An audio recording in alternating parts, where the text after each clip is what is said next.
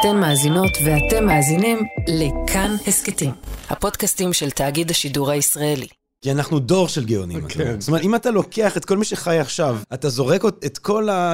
את כל מי שמסתובב עכשיו בתל אביב, אתה זורק אותם למאה ה-17, אחד, אחד, אחד גאונים בספרות ובפיזיקה. מנס ציונה. אני- כן. הקרקס המתה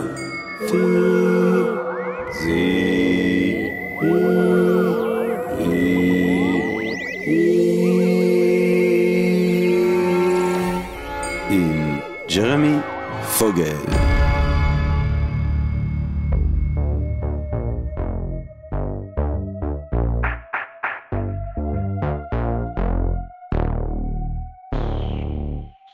גבירותיי ורבותיי, הקרקס המטאפיזי, ערב טוב, יום חמישי שמח, כאן בכאן תרבות.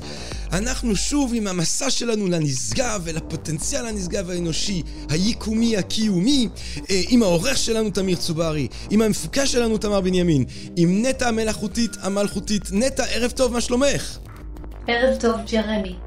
כל יום חמישי בעשר בערב אני מחכה בקוצר רוח. תודה רבה נטע, ומה מה עוד להוסיף? כמובן שגם אפשר למצוא אותנו ולהאזין לכל הפרקים ביישומון שלנו. טוב, אין עלייך. בכיף.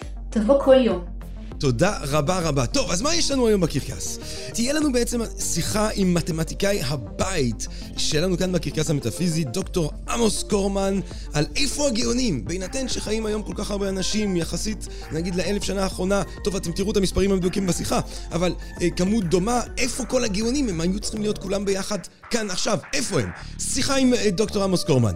אנחנו מנסים לגעת בנשגב גם דרך השירה. בני אדם צריכים ליצור לעצמם ראייה פיוטית, שדרכם הם רואים את העולם. העולם הוא לא כפי שהוא, כפי שאנחנו, אז בואו נחשוב עליו דרך שירה, כדי שנחיה את השירה ונחיה היום את השירה עם גל עזרן, גבירותיי ורבותיי, דבר עם המשוררת, עם גל עזרן, והמונולוג שלנו. יש לנו היום מונולוג עם גל ניסים, הרבה גלים. גלים של ניסים, גלים של נשגב, גלים של אהבה, של עצם היש, הקרקס המטאפיזי. יאללה, בוא נתחיל. גבירותיי ורבותיי, ברוכות וברוכים הבאים לקרקס המטאפיזי, תוכנית הלילה של הלילה הגדול מכולם, תוכנית הלילה של היקום. טוב, גבירותיי ורבותיי, הקרקס המטאפיזי, איפה? איפה הגאונים? אני כאן עם מי שאפשר כבר לכנות אותו אה, מתמטיקאי הבית של הקרקס המטאפיזי, ואיזה כבוד לנו שדוקטור עמוס קורמן מתפקד ככזה. דוקטור עמוס הוא חוקר במדעי המחשב שמפלרטט עם ביולוגיה, עם רקע במתמטיקה, זאת אומרת, ממש בלב התחומים שאנחנו כאן אוהבים בקרקס. תואר ראשון במתמטיקה באוניברסיטה בירושלים, תואר שני במתמטיקה בסטנפורד העברית, שלישי במדעי המחשב התיאורטיים בוויצמן, פוסט בטכניון, מאז 2008 הוא חוקר במכון הצרפתי CNRS, Centre National de Recherche Scientifique אה, בפריז, ובזמן האחרון בשלוחה של המרכז החשוב הזה כאן בתל אביב. אה, ודוקטור עמוס בעצם ניגש אליי לפני כמה שבועות, ואומר לי, יש לי, או חודשים, ואומר לי, יש לי אבן בנעל. פתאום הוא אומר, איפה הגאונים? איפה הגאונים? אז תנסח אתה את השאלה המרהיבה הזאת. גילוי נאות, קודם כל, אני לא... זה לא התחום שלי, אני לא חוקר בהיסטוריה של המדע, אבל אה, אני לפני כמה חודשים עלתה בדעתי השאלה הזאת, תכף אני, אה, אני אסביר למה, שאני חושב שהיא מאוד מעניינת. ואני אנסה להציג כל מיני כיוונים של... לא יהיה לי איזה תזה או משהו שאני אנסה למכור פה, אבל אני כן רוצה להציג כל מיני כיוונים של מחשבה שהשאלה הזאת פותחת, ולנסות לשכנע שהיא מעניינת. אולי אני אתחיל במין רשימה כזאת שהכנתי של כל מיני גאונים מהאלף שנה האחרונות. זו רשימה שהיא מאוד אה, מוטה, מגדרית, היא מאוד אה, אתנוצנטר, אתנוצנטרית, מתרבות מערבית שמהללת מדע. אז אפשר לקחת אותה בערבון מוגבל, אבל בכל זאת אני רוצה להגיד אותה, כי זה פחות או יותר הרפרנס שלי.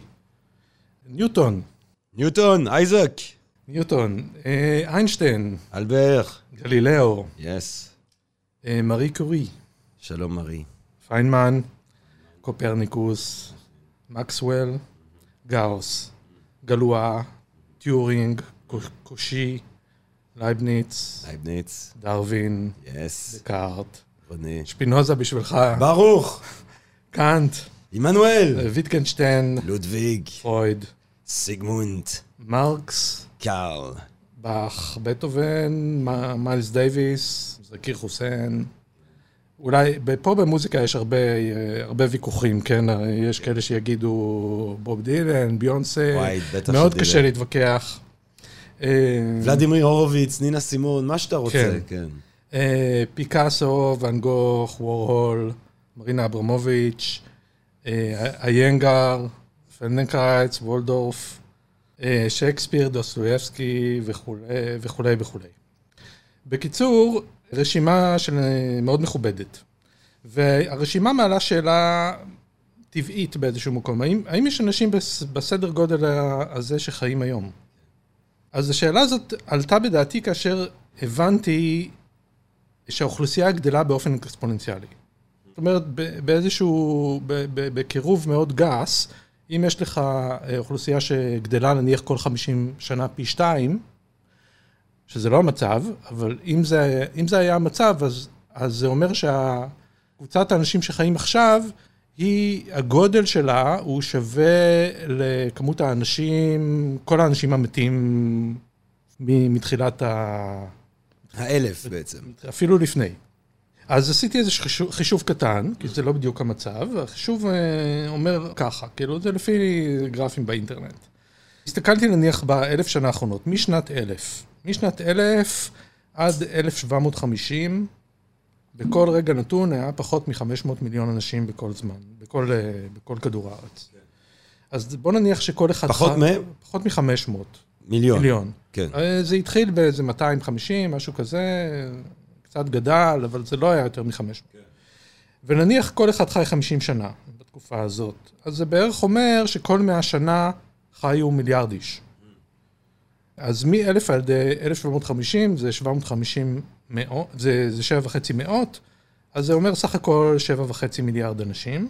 זה מ-1000 עד אה, 1750, ואז עד אה, 1950 או קצת יותר, חיו עוד איזה 8 מיליארד.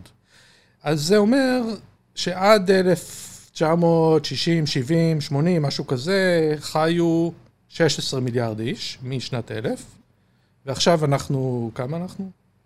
אנחנו תשע? מתקרבים לתשע, כן. כן. אז זה אומר שלפחות מבחינה מספרית, היו אמורים להיות, ואפילו פעילים, בערך שליש מכמות הגאונים ש... שחיו עד 1980. למה שליש? נניח שכל מישהו שנולד, אז אה, אלוהים זורק מטבע, ובהסתברות 1 ל-200 מיליון, הבן אדם הזה יהיה גאון.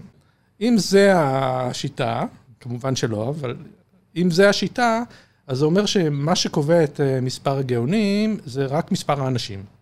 אז עכשיו ראינו שמספר האנשים עכשיו שחיים, הוא בערך בין חצי לשליש ממספר האנשים שחיו מ-1000 עד 1980. אז, אז אם זה הקריטריון היחידי, אז היית מצפה מהרשימה שאמרתי, לפחות שליש מהאנשים זאת אה, אומרת, חיים היום. דוקטור עמוס, אתה אומר בעצם מתמטית, סטטיסטית, אני מסתכל על כמות האנשים שחיו מ-1000 עד ל-1980. אני יכול, אנחנו עשינו רשימה כיפית, אבל חלקית מאוד של כל הגאונים, לא דיברנו על ליאונרדו ומיקלאנג'לו ורפאל, אין סוף, אין סוף אה, אה, אה, של אנשים, של גאונים מבריקים, ואתה אומר, בעצם סטטיסטית, נטו סטטיסטית, אתה צריך שיהיה כרגע שליש חצי של פעילות גאונית כזאת, אם אנחנו מקבלים את ההנחה הזאת, כן. שיש לי מה לומר עליה בעוד רגע, ברור. אה, שבעצם הסיפור של גאונות זה איזשהו מטבע שאלוהים זורק על נכון, כל זה האדם כאילו רנדומלי. הקירוב הכי הכי הכי פשוט. אבל, אבל זה יותר מזה. או. כן, יותר מזה, אפילו לא, אני כי, אגיד... כי למה, אני, למה אני, אני רוצה מיד לזרוק את זה? סתם, אני מסתכל על אתונה במאה החמישית לפני הספירה. עכשיו, אתה יודע, יש מלא מקומות באותו זמן, אבל יש לך איזה מקום שהוא, לא יודע, מבחינה מספרית זה רעננה, כן? זה 40 אלף, 50 אלף איש, ובמאה שנה, אני יותר אוהב עכשיו נס ציונה. נס ציונה. במאה שנה יש לך את אה, סוקרטס שהוא המורה של אפלטון, אפלטון שהוא המורה של אריסטו. יש לך את, אה, את טוקידידס שעושה היסטוריה, אה, יש לך את הגאונים הגדולים של הטרגדיה, יש לך את, את אריסטופנס הגאון של הקומדיה, יש לך כמות מטורפת של גאונות באתונה במאה החמישית לספירה. אמסטרדם במאה ה-17. אה, שפינוזה, ורמיר, אה, אה, דקארט שהיה שם בתחילת, לוק שיגיע אחר כך. זאת אומרת, יש מקומות שהם פתאום תוססים גאונות. לגמרי, אני מסכים. נדבר על זה אחרי כן, זה. כן. אנחנו רק בהתחלה. אני קודם רוצה להגיד, כאילו, למה, למה השאלה הזאת היא כל כך אה. מפתיעה באיזשהו כן. מקום. זאת אומרת, אז זה, זה, מבחינה מספרית זה מאוד מפתיע. עכשיו, מעבר לזה, יש לך את אה, מה שנקרא אפקט פלין. אם אתה מסתכל על מבחני ה-IQ, אני חושב שזה התחילו בתחילת 1900, משהו כזה, תוצאות מבחני ה-IQ כל הזמן עולות. Hmm. על פי הבחינות האלה שאמורות להיות, כמובן שהן מאוד מוטות, אבל הן אמורות להיות איכשהו אובייקטיביות, למדוד אה, יצירתיות וכולי, הבחינות האלה מראות, האוכלוסייה משתפרת בזה. זה עוד יותר אומר שהיו אמורים להיות גאונים. וגם, תוסיף לזה את העובדה שמבחינת אחוזים באוכלוסייה, יש היום הרבה יותר אנשים שיודעים קרוא וכתוב מפעם. בכלל, ההשכלה היא נגישה לאחוז מאוד גדול באוכלוסייה. נגישה לידע מאוד פשוטה, יש אה, small word phenomena. כל העובדות האלה, כאילו, הן רק מגבירות את אה, כמות הגאונים שהיית מצפה לראות פה. גם נגישות המידע, יש לומר. כן, אמרתי. כן. אז נשאלת השאלה, מי הגאונים היום? ואם אין, למה אין? טוב, אז עכשיו זאת, זאת השאלה שלנו, נכון? אני קודם כל רוצה לזרוק, ש... אה, ויהיה לנו על זה פרק השנה בקרקס המטאפיזי, שבוב דילן בעיניי אה, הוא דרגת הומרוס של גאונות.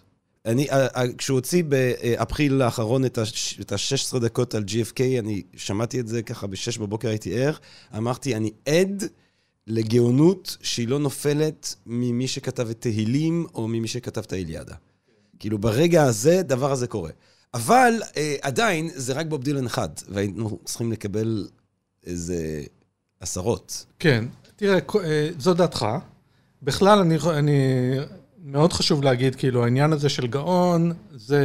כן, צריך להגדיר גאון כאן. צריך להגדיר גאון, אה, אנחנו תכף ננסה כל מיני אה, גישות, אבל באופן כללי, הייתי אומר שזה לא, אין כאן איזו סמכות שתגיד כאילו מי הוא גאון ומי הוא לא, כל אחד יהיה את הדעות שלו, כל אחד שם, שם את הסף במקום אחר גם, וגם אם אתה נכנס לעניינים של טעמים, אתה יודע, אתה מאוד מתרגש מבוב דילן, אתה תגיד, וואי, הוא גאון, הוא גאון. לא, לא, לא, ומישהו לא, אחר, לא, לא, אני חושב שזה כמעט אובייקטיבי. אני כן, אגיד לך כזה דבר. זה מחשבה גם שזה כמעט אובייקטיבי של כולם מרגישים. את לא, אני, אני רוצה להגיד לך גם למה. אמ, אף אחד לא מאמין במדע היום, או בפיזיקה, טוב, יש דברים בפיזיקה של ניוטון שעדיין תקפים, אבל כל פיזיקאי בעבר טעה. כן, ניוטון, הפיזיקה שלו בסוף הובילה לפיזיקה יותר מתקדמת.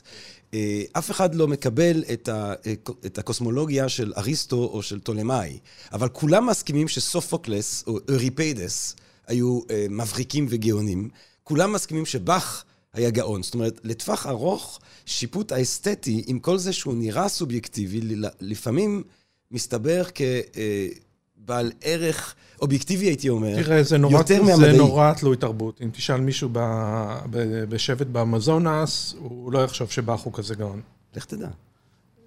אה, אני, אני אנסה ללכת ולדעת, אבל אה, אני, אני רואה את זה בצורה אה, מאוד ברורה לכל מיני אנשים, במי- במיוחד מוזיקאים שאני חושב שהם גאונים, ומישהו אחר חושב שזה מדובר אבל לצורך ב- העניין, איך אתה מגדיר אז גאון בחישוב הזה? אם אנחנו עושים חישוב סטטיסטי שהגורם בו הוא גאון, אז אתה צריך להגדיר לי גאון. נכון, אני צריך להגדיר גאון, אבל לפני זה, לפני שניכנס להגדרה, אני קודם רוצה להגיד שיש כל מיני גישות, אתה יכול לקבל אותן או לא, שהן מלכתחילה פוסלות את כל השאלה הזאת ואת כל ה... זאת אומרת, גאון זה מושג שהוא לא מוגדר טוב, ויש בעיה אינהרנטית בשאלה. אז אני, אני רק, אה, אני רוצ, כן רוצה להגיד מה ה... לדוגמה, אה, מה שהאנליטיקאי שלי אמר, זה שהמושג גאון זה הבניה של התרבות שהייתה פעם. שהיא הבניה של התרבות שרוצה לקדש את האמת האחת ואת הרעיון הרומנטי, שיש אדם אחד או מעטים שהם מורמים מעל, כלומר יש איזו היררכיה. זה רעיון רומנטי שמהדהד עם אינדיבידואל, אינדיבידואליזם, ובעצם הגאון הוא לא היה יוצא דופן מאוד אנשים מאוד חכמים בתחומו, אבל התרבות נתנה לו את כל הקרדיט, ואחרים נשכחו. זה קרה פעם כי זה התאים לתרבות של פעם, והיום בתרבות הפוסט-מודרנית זה פחות מתאים, או הקפיטליסטית. מבחינת השאלה שלנו, התשובה של הנרטיב הזה, זה שלא היו גאונים אז, ואין היום, כי אין דבר כזה בכלל גאון. אוקיי, זו גישה אחת אה, שקצת קונספירטיבית. אני לא כל כך רוצה לקדם את הקו הזה, אבל הוא לגיטימי. אני כן מציע כן להסתכל מתוך הפרספקטיבה שיש דבר כזה, יש דבר כזה גאון, ואז אני חוזר לשאלה ששאלת, מי הוא גאון? על, על פי איזה קריטריונים. אז גם פה אין איזה משהו, כל אחד יגיד משהו אחר. אני רק אזרוק כמה, כמה דוגמאות אה, שאולי הן תופסות אה, חלק מהדברים. אחד שעושה שינוי פרדיגמה. אחד או אחת אה, שמאחד כמה תחומים ביחד. שיוצר תחום חדש שלא היה קודם. שעושה שינוי שבלעדיו לא ברור איך זה השינוי הזה היה קורה, או אולי היה לוקח המון זמן עד שהשינוי הזה היה קורה. תמיד שאלה שקשה לענות עליה, כמובן. אולי מישהו שפותר חידה שלא הצליחו לפתור לפניו הרבה אנשים, כמו זה שפתר את אה, משפט פרמה, נדמה לי ווילס. עכשיו יש כאן משהו שהוא יותר בתחום האפור, בעיניי, האם זה מישהו שהמציא טכנולוגיה שעשתה הרבה עדים, כמו צוקרברג, או מי שהמציא את הבלוקצ'יין? האם זה ראוי להיחשב אה, גאון או לא? יש כאלה שיגידו שסטיב ג'ובס הוא גאון, שמעתי גם כאלה. לי יש אפיון שהוא כמובן אה, משלב את הקווים הנרקסיסיסטיים והמגלומנים באישיות שלי. אה, אני, אני, אני תמיד חושב על גאונות, נגיד על מה זה סרט גאוני בעיניי? זה סרט שאני לא יכול לדמיין איך אני הייתי עושה אותו. נכון. זאת אומרת, אם אתה מראה לי סרט טוב, נכון. אתה יודע, Pirates of the Caribbean, כיף לי וזה, אני אומר, טוב, נכון. תן לי 300 מיליון דולר, תן לי שחקנים, תן לי זה, אני אעשה לך משהו, אני אלמד קולנוע, אני אדע לעשות את זה. אבל אתה יודע, אתיקה כן. של שפינוזה, איך בכלל להתחיל לכתוב כזה, כזה דבר. זה תמיד מאוד אה, מרשים. אה, אה, אני, אתה יודע, אני באמת כן. שומע דילן, אני, יש דברים מסוימים שאני אומר, טוב, איך בכלל הייתי, אני לא, זה, זה נשגב מבינתי באיזושהי צורה, ואז אני אומר, גאון. נכון. זה גם תלוי איפה אתה שם את הסף, אז זה בהחלט דבר מאוד שהוא מאוד מרשים לראות מישהו שיודע לעשות משהו הרבה יותר טוב ממך, או שאתה בכלל לא יודע... כן. שהוא בתחום שלך, אבל אין לך, אתה בכלל לא יודע איך... שהוא לא בתחום שלך גם, כאילו זה דבר שהוא נראה לי אינסטינקטיבית מאוד מרשים. כן, כן.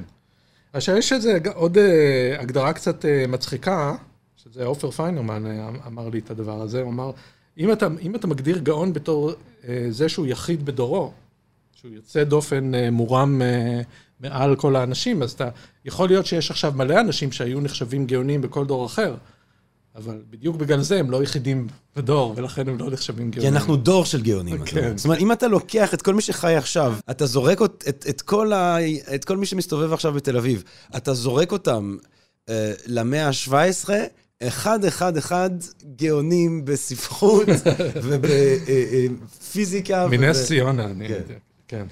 טוב, זו מחשבה מצחיקה בכל מקרה. אמ, שהיא לא, זו מחשבה, לא מופרכת לגמרי. כן. כן, אני מסכים.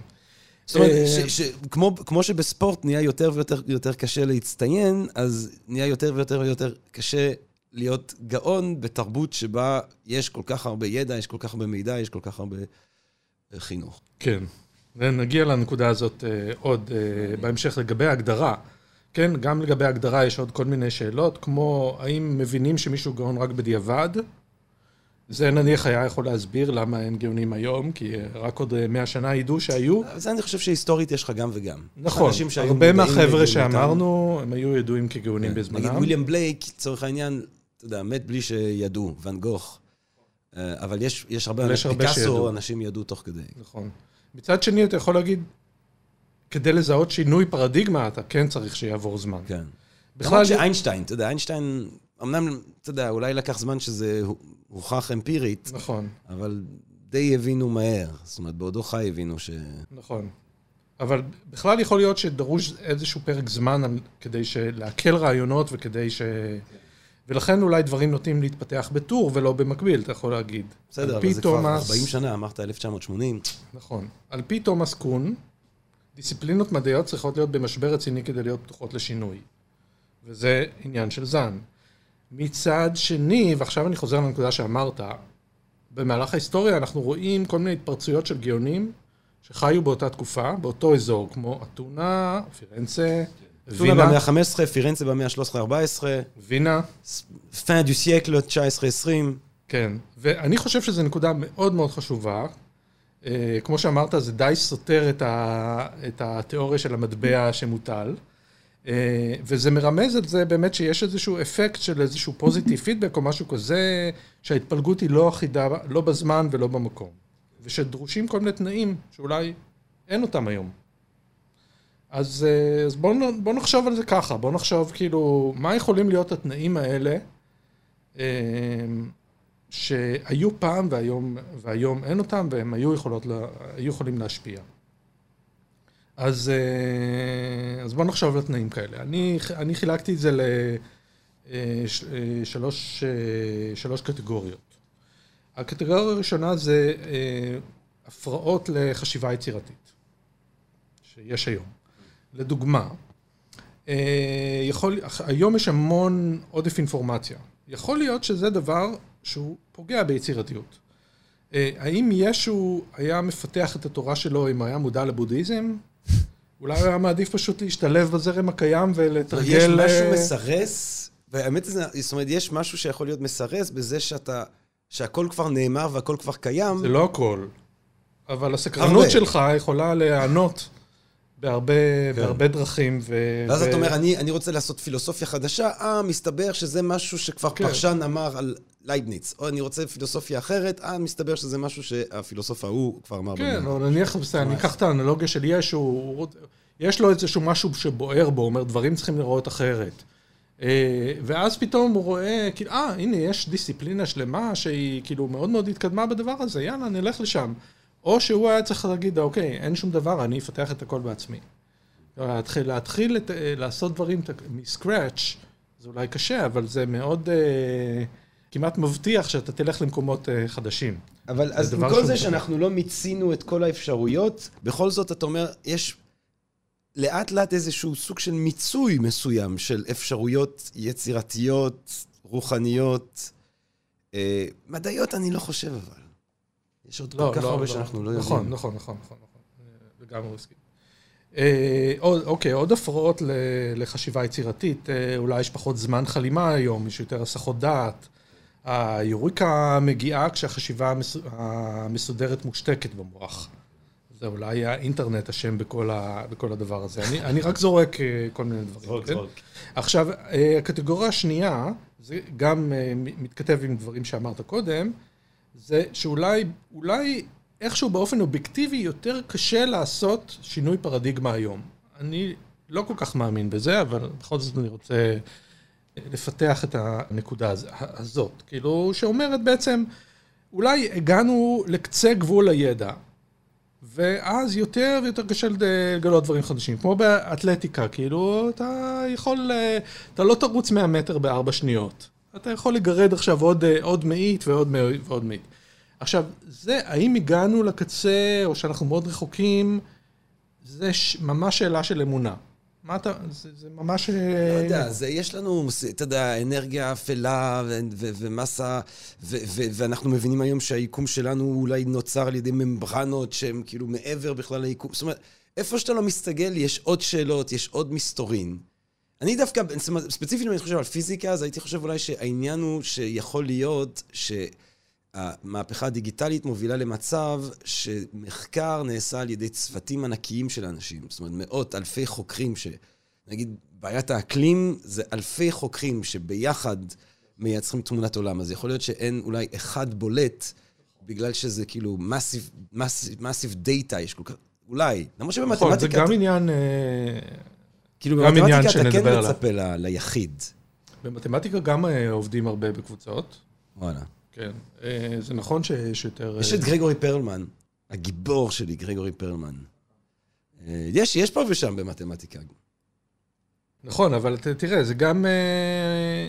הם יעשו איזשהו משהו נורא גדול, אבל אתה תדע מזה, אתה תדע את המשמעות של זה, וזה גם איזשהו עניין של... אה, הדיסציפלינות אה, האלה לפחות, הן כל כך מפותחות, כן. שאפילו אם מישהו עושה שם שינוי פרדיגמה, אתה לא, לא הייתי מודע מלכתחילה לפרדיגמה שהייתה. זאת אומרת, אתה יכול להגיד אה, שפיתגורס היה בגיאומטריה הרבה יותר אה, חלש מכל אה, פרופסור לגיאומטריה היום, אבל לפחות פ, משפט פיתגורס, כל ילד בן עשר יכול להבין. ומה ש... אני לא חושב שהוא היה חלש, הוא לא... הוא...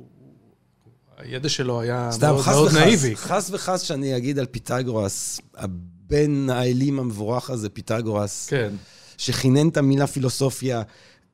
אלוהי, אלוהי, לא, לא, לא, כן, חס כן, וחס. כן. או, לא, ברור, ברור שיש כאן איזשהו, יש כאן איזשהו פער של אה, מי, שצ, מי שיצבור את, ה, את הפרסום, זה לפחות, אה, אתה יודע, אפילו איינשטיין, שאתה, אף אחד לא מבין את ה... מעט מאוד אנשים מבינים מה הוא באמת עשה, אבל אפשר להגיד בכמה מילים שהוא, כל מיני דברים שהוא עשה שמציתים את הדמיון, ו... אתה יודע, הוא שינה את ה... איך שאנחנו מסתכלים על זמן, דבר מאוד מאוד בסיסי. והרבה מתמטיקאים או הרבה פיזיקאים, כאילו, בכלל אי אפשר להסביר לאדם הרגיל. עכשיו, זה, לא יודע איך להתייחס לזה. זאת אומרת, יכול, זה גם, בעיניי זה גם חיסרון. אה, שאולי בן אדם כזה לא אמור להיחשב אה, גאון, למרות שהוא עשה דברים מאוד גדולים. אני לא יודע. בכל מקרה, אנחנו מדברים על, ה, על הקושי שבלעשות שינוי פרדיגמה היום, ודיברנו על זה אה, שאולי הגענו לאיזשהו קצה, קצה היכולת. זה לא אומר שכמו שאמרת, אנחנו מסתכלים בפיזיקה, יש הרבה דברים שאנחנו לא יודעים. זה לא, אה, אני לא אומר שאין הרבה דברים שלא יודעים, אני מדבר על הגבול של היכולת אה, להבין. אנושית, כן, כן. כן, כמו ש...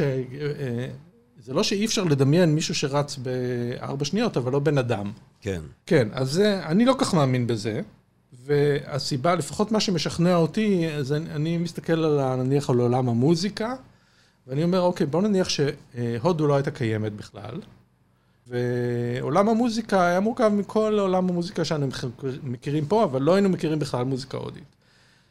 היינו יכולים להגיד, כמו שהרבה אנשים אומרים בכל מיני סיטואציות, אה, כבר גילו הכל, עכשיו זה רק מין אה, שחזור ולקחת את האקורד הזה מהאקורד הזה, וזה, וזה, וזה כבר עשו את הכל במוזיקה, ולא היינו בכלל מודעים שיש דבר כזה, מוזיקה הודית שעובדת על פי עקרונות לגמרי אחרים, אז כאילו אנחנו מאוד, יש לנו ידע מאוד מאוד קטן על, על הדברים שאנחנו לא יודעים כלום עליהם. כן. אה, ו... ו... וזה קל להגיד שאנחנו יודעים הכל, וזה נראה לי שאמרו את זה במשך כל הדורות. אני לא, נכון. לא כל כך אה, מאמין לדבר הזה. חשבו באיזשהו שלב שכאילו נגמר הפיזיקה כן. לקראת סוף המאה ה-19, אני חושב. כן. אה, צריך המון מאמץ היום רק כדי להכיר מה כבר עשו. יש המון המון אה, דברים ללמוד, ואולי אתה מבזבז את השנים הטובות שלך רק אה, על ללמוד מה שאנשים אחרים עשו. אה, דבר נוסף, יש המון... זאת אומרת, standing on the shoulders of giants, כמו כן. שאומר ניוטון, כדי להגיע למצב שאתה עומד על הכתפיים שמהם אתה יכול לקדם את המדע, אתה כן. צריך לתת הרבה יותר עבודה משבדורות נכון, קודמים. יש הרבה יותר מה לטפס. אה, יש גם היום ספציפיקציה מאוד גדולה, זה גם חלק מה... איך שהמדע בכלל עובד, יותר קשה אולי לעשות שינוי פרדיגמה עם שינוי מהפכה בביולוגיה על ידי איזה חקר של איזה נוירון במוח של זבוב פירות. עכשיו, הקטגוריה השלישית שרציתי לדבר עליה, זה שיש גאונים היום, אבל לא רואים אותם. הם ממוסכים, נניח כמות הזבל שיש בתקשורת. זה קצת מהדהד את מה שאמרתי בהתחלה, שהתרבות קידמה את הגאונים כסוג של סלבריטי. והיום אה, בתרבות הפוסט-מודרנית והקפיטליסטית אין צורך בהם, הקריטריונים עברו להמונים. זה משהו אחד, וגם יש את העניין שגם דיברנו עליו קודם, שהיום מחקר מתקיים בקבוצות. זה אופי המחקר היום, אז קשה להצביע על אדם אחד, דוגמה זה שפיצח את הגנום. אה, אולי תגיד ה-AI הוא הגאון של היום. זה שוב חוזר לשאלה של מהו גאון. בקיצור, אני רוצה לסכם ולהגיד, יש המון שאלות, אה, זו שאלה שפותחת המון שאלות, שכל אחת מהן היא מעניינת בפני עצמה, אני חושב, גם על ההגדרה של זה וגם על ההקשרים החברתיים, וגם ממש על איך, אה, איך אה, מגיעים להברקות אה, מדעיות. אז זהו, לשתף. דוקטור עמוס קורמן, אתה באת פה ואתגרת אותנו, אני אגיד לך. אני, אני חייב לומר, אני... התשובה האינסטינקטיבית שלי זה כן יהיה לנסות לפרק את הסביבה התרבותית שבו הגאון פועל, קיים, ובעיקר מתקבל. כאילו, יש גם שאלה של יכולת ספיגה בכל זמן נתון של הגאון כסלב. כאילו, יכול להיות שתרבות מסוימת, תרבות אנושית מסוימת, בתוך טווח של 30-40 שנה, רק יכולה מספר מסוים של אנשים, כאילו, לתפוס אותם כגאונים, ואולי גם בדיעבד לזכור אותם כגאונים, כן? כן. כי... למרות שהיום אני לא יכול להצביע אפילו על אחד שיש איזשהו קונצנזוס מסביבו שהוא באמת אה, גדול בדורו בתחומו. מה, בכל תחום?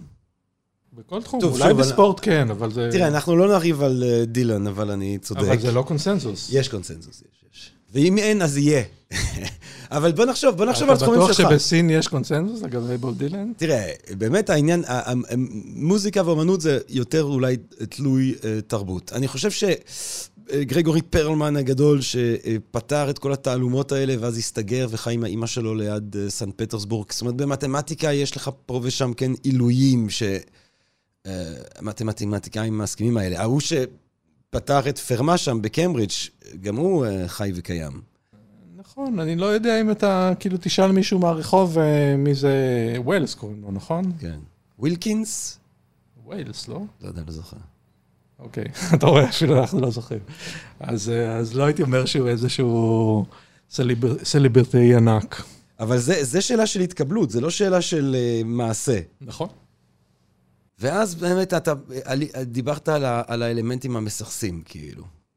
שיכולים להיות עכשיו, כי גם אנחנו, אנחנו כן היום בתרבות הרבה יותר גלובלית, עולמית, מאי פעם בעבר. נכון. אמ, זאת אומרת, העניין הזה שכאילו, העול- שהעולם כזה עושה את שלו, ובאתונה קורה איזה טרפת, כאילו, באמת, אוריפידס, אייסכילוס, סופוקלס, סוקרטס, אפלטון, אריסטו, טוקידידס, פריקלס, הכל בתוך מאה שנה, אה, ושאר העולם נח, זה פחות יכול לקרות היום. זאת אומרת, ההתעוררות של מקום ספציפי, אני כן מניח אני לא יודע, אולי כן, אני לא יודע, זה נורא קשה לצפות את זה.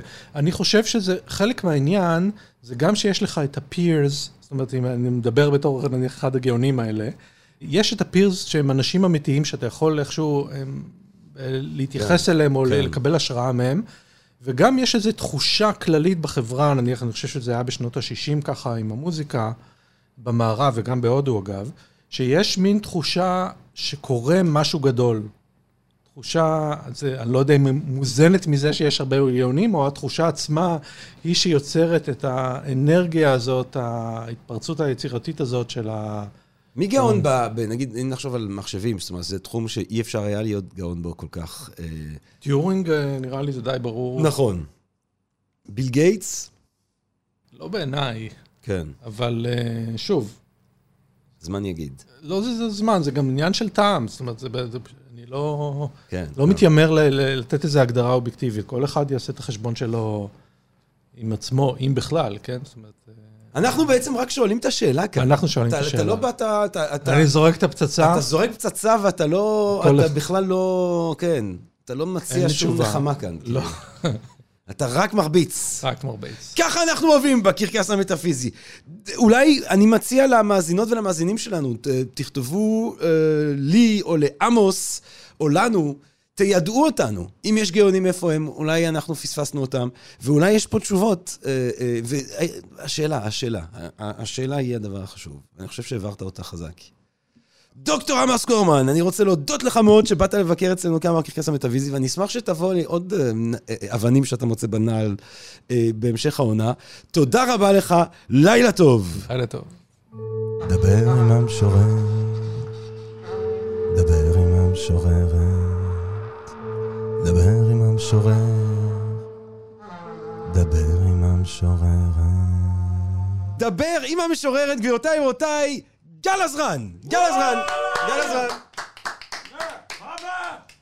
שיר, בבקשה. בבקשה, ג'רמי. תודה.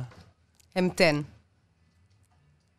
ולא הופעת פתח ולא הופעת דלת, ולא הבטחת דלת כי לא הפתעת פתח, ולא הפסדת דלת ולא ספנת סף, ולא הבטחת פתח כי לא חיככתי דלת, ולא נכחת דלת ולא הפכת פתח, ולא מגעת דלת ולא התחלמו ציריה, וצר היה בחדר ולא הבלעת פתח, לא הבלחת דלת ולא חוכך הפתח, ולא נדמה הדלת, סבבה פרצה הדלת, ולא חפצה בך. התרוממה חלל, התחלמה, פרעה, ולא פתחה בך, ולא הופעת דלת, ולא הפכת פתח.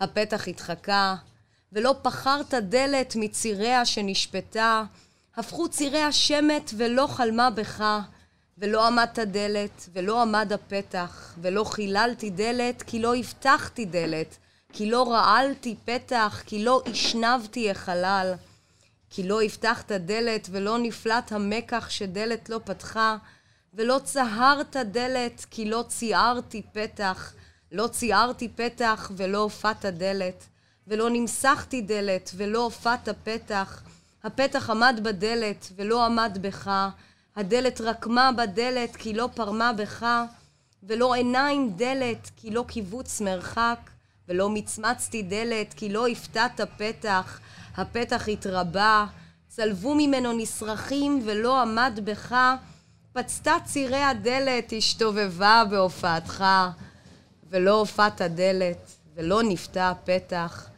אבל פתח לא תעופה, סדר לא שהייה, רסן לא הוכחה, קילופים לא רצינות. ברקת לא דלת, התחלמויות לא שער, צוהר לא כניסה. ולא פתחה הדלת, ולא הופעת שער, ולא ציערתי דלת, אז לא הפתעת פתח, ולא הופעת דלת, לא פתח, דלת לא, פתח דלת לא, לא הופעת פתח. פתיה שבפתחים, לא הופעת דלת, פתיה של הדלת, חלל של שווא, צוהר, צער, פתיה של צער, שב פתח, דלת שב, מתגלגל בשיגיונו. גל עזרן, גבירותיי ורבותיי, גל עזרן. ערב טוב, גל עזרן. ערב טוב, ג'רמי פוגל. מהי שירה, גל עזרן? שירה היא התנסות בדבר. היא התנסות ברגש. כלומר, יש דבר שמתרחש בעולם, ביקום הפנימי או החיצוני, והוא מטרטר, הוא חובט, ואיך מנסחים אותו בעולם הזה. כי אהבה זה לא מספיק, וכאב זה לא מספיק, וקנאה זה לא מספיק, וחדווה זה לא מספיק. יש דבר אחר. אותו צריך לעשות. ולמה זה חשוב? למי זה טוב? למי זה טוב, גל עזרן? למי זה טוב? אה, זה טוב... זה טוב כי אנחנו צריכים תמיד להתפשט ולהרחיב. כלומר, איך אנחנו נדע להסתכל על, ה, על הקיום הזה אם לא תהיה לנו עוד הרחבה שלו, אם לא יהיה לנו עוד, עוד uh, הכפלה שלו, עוד, עוד, uh, עוד, עוד שלוחות שלו, זרועיות כאלה, שאנחנו נוכל לבוא ולהגיד, הזרוע הזאת נכונה לי יותר מאחרת. כלומר, לא כל הזרועות נכונות. לא כל החוויות נכונות לאותו הרגע. כלומר, זרוע אחת נכונה לי יותר מאחרת. אני, אני במטאפורה שאולי אני לא יודע להסביר לאחור. אבל, אבל כן, צריך לאחוז בדבר. עכשיו, אני שואל את השאלה הזאת לכל המשוררות והמשוררים שלנו, אבל לך יש לה משמעות מיוחדת, אני חושב, כי לא רק את משוררת, את גם מורה לספרות. את מעבירה על הכתפיים שלך, באחריותך להעביר את האוצר הזה לדור הצעיר שצומח כאן בארץ הקודש. מה היחס שלך לפעילות הזאת? כאילו, מה את מנסה לעשות כשאת מלמדת שירה? אני מנסה לאפשר למדהימים האלה לקבל איזשהו פלא ולדעת לעבוד איתו ולחוש אותו. לצורך העניין, שיר של אה, לסקלי, שהוא לא בתוכנית הלימודים, יש בו איזו מטאפורה נורא סתומה. וההווה כוכב מלוח הנמס בין שורותיה של חידת אדם. וזה תמיד מין uh, דבר כזה שהם מסתכלים עליי ואומרים לי, נה, מה, הוא לא יכול להגיד uh, דברים במילים uh, פשוטות? לא, שנייה, תאחזו בדבר הזה. צ, ת, לשאלה גם הקודמת, מה, מה שירה? מאבק, מאבק, תיאבקו בקיום הזה. לא ייתכן שהכל כל כך פשוט. כדי להרגיש צריך להיאבק. וברגע שהנס הזה מתרחש, וזה באמת בגדר נס, אדם יכול לקחת את הדבר הזה לביתו, את הרצף הזה לביתו, ולהגיד, זה שלי, והוא יהיה איתי. עכשיו, הכוכב נמס הזה, החידה. ומבתוך החושות, כאילו, מבתוך השטח, בשטח של החינוך, בשטח של הוראת השירה, הוראת הנשגב, איך המפגש הזה, אכן. איך המפגש הזה קורה? את חושבת שאת חלק מאיזשהי סוג של פסימיות? הדור הבא הוא לא פיוטי, הוא לא זה, הוא לא מבין, הוא, לא, הוא כבר לא קולט, הוא מאבד קשר, או חד דווקא... חד משמעית לא. בני אדם הם בני אדם הם בני אדם. לכולנו יש את היסודות, לא משנה באיזה, באיזה יקום או תקופה, את היסודות להרגיש דברים. אני גם אומרת להם, כלומר, איזה, איזה דבר מטורף זה להרגיש. כאילו, נכון. כמה זה לא מובן מאליו. והפסו הזה של להרגיש הכל בכל הדרכים, ו- ו- ולהיות הכל בכל מקום. וזה בדיוק המקום הזה של... תמיד בסוף שנה יש איזו רטרוספקטיבה כזאת של י"בניקים של... גל, למדנו אבל רק טקסטים uh, מדכאים. כאילו, ממש. זה יגון, פארנהיים, זה... ואז, ואז שנייה, מה, מה לקחנו מפארנהיים, נגיד? למדנו איך להיפרד. איזה יופי. איזה יופי של דבר שאפשר לעשות עם ספרות. אז כן, כן, לגמרי. זה, זה הנס. זה הנס. מאיפה מגיעים השירים?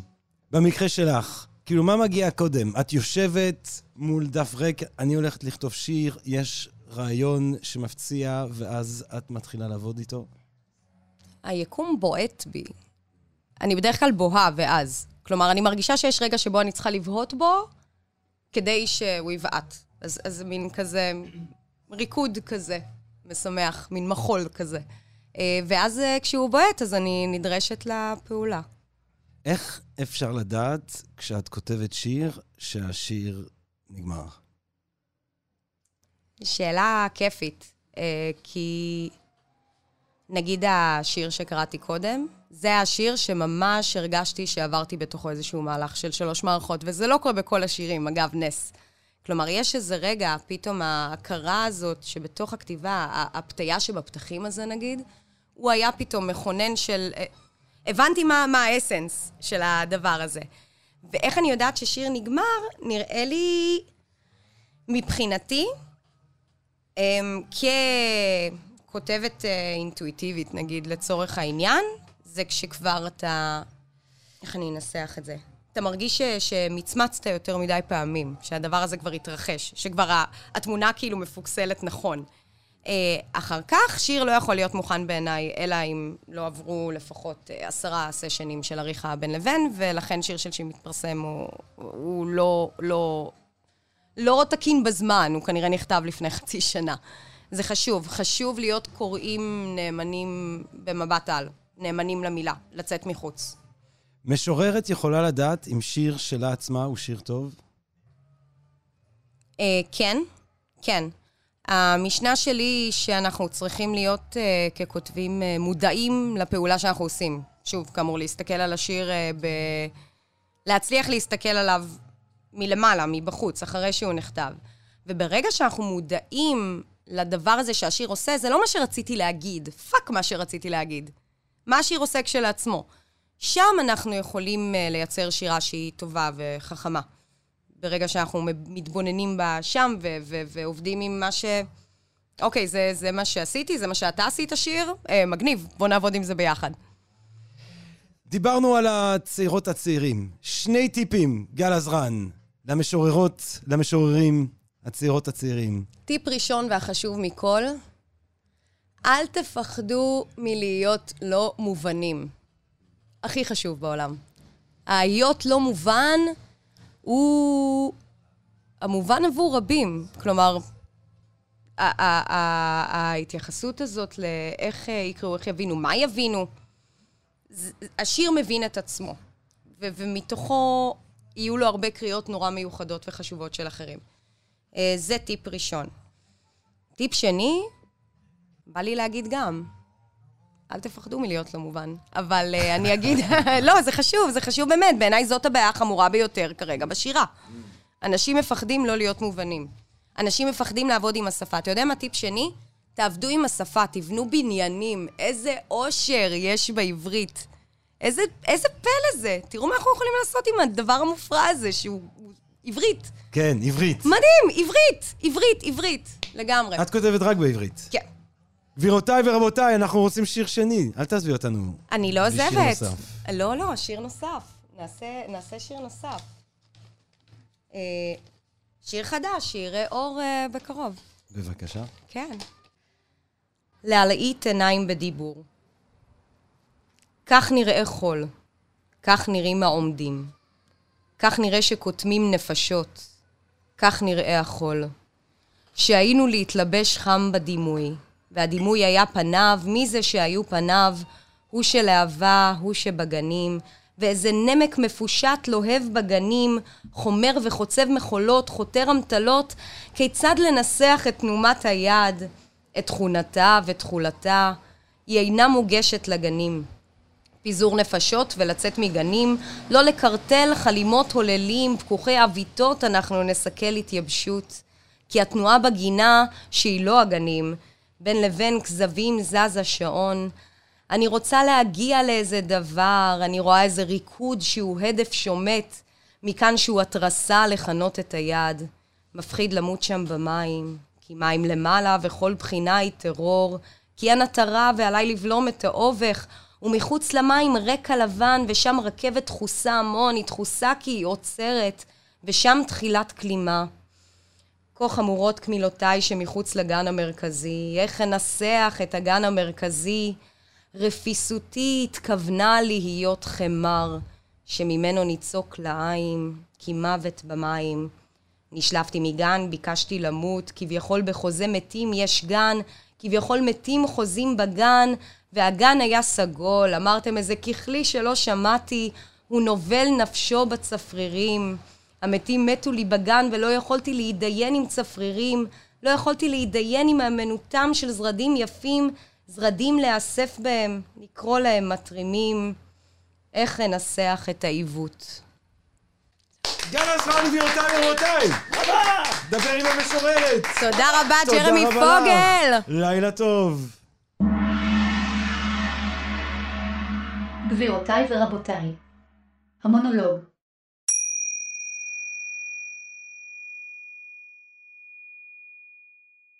גל ניסים מבצע את המונולוג על הג'קט מתוך בואוג'ק הורסמן. בתיכון היה לי מופע כישרונות צעירים. עכשיו אני עליתי עם קטע סטנדאפ. באותה תקופה היה ג'קט שממש ממש רציתי, הוא היה כזה מגניב. במשך חודשים אני חסכתי כדי לקנות את הג'קט הזה, וכשסוף סוף הרווחתי מספיק כסף, נכנסתי לחנות, והמוכרת אמרה שזהו, הוא אזל במלאי. מישהו בדיוק קנה את האחרון. אז חזרתי הביתה וסיפרתי על זה לאימא שלי. ואימא שלי אמרה, או, הנה, זה לקח לחיים, תלמד. זה מה שקורה למי שרוצה דברים. כן, אימא שלי הייתה ממש טובה בזה, בלתת לי שיעורים על החיים, שאיכשהו מסתכמים בזה שהכל באשמתי. אבל, באותו ערב כישרונות, אימא הפתיעה אותי. היא קנתה את הג'קט. בשבילי. ולמרות שהיא לא ידעה איך להגיד את זה, אני יודע שבתוך תוכה זה אמר שהיא אוהבת אותי. זה סיפור נפלא על אמא שלי. הוא לא אמיתי, אבל הוא נפלא, נכון? גנבתי את זה מהטלוויזיה, פרק שראיתי כשהייתי ילד. וחשבתי לעצמי, זה סוג הסיפורים שאני רוצה לספר כשההורים שלי ימותו. אבל אה, אין לי סיפורים כאלה. כל מה שאני למדתי על החיים, אני למדתי מהטלוויזיה. ובטלוויזיה, דמויות פגומות, כל הזמן מפגינות רגש עם הפתעות ומחוות גדולות כאלה. ובחיים האמיתיים, המחווה הגדולה לא מספיקה. אתה צריך להיות עקבי, אתה צריך להיות טוב בהגדרה. אי אפשר לדפוק את הכל ואז לקחת סירה ולשוט לאמצע האוקיינוס, או לפתור חיטה ולטוס לקנזס. בחיים האמיתיים אתה צריך להיות טוב יום-יום, שזה כל כך קשה. כשאתה ילד, אתה משכנע את עצמך שאולי המחווה הגדולה תספיק. שאולי, למרות שההורים שלך הם לא מה שאתה מצפה לו, פעם אחר פעם אחר פעם, יום יבוא והם יפתיעו אותך במשהו גדול, במשהו נפלא. אני כל החיים שלי חיכיתי להוכחה הזאת, שלמרות שאימא שלי הייתה אישה קשה, תוך תוכה היא אהבה אותי. והיא רצתה שאדע שהארתי את החיים שלה. אפילו קצת. אני עד היום מחכה.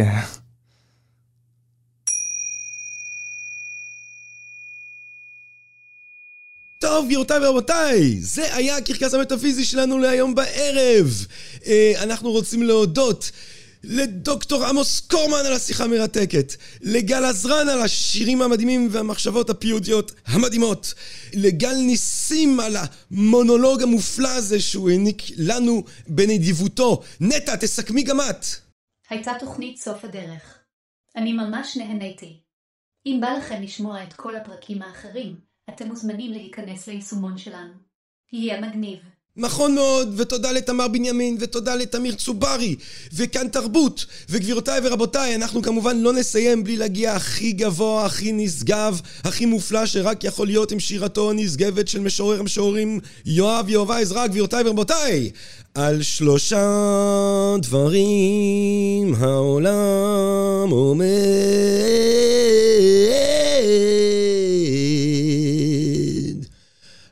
על יואב עזרא, ועל יואב עזרא, ועל יואב עזרא.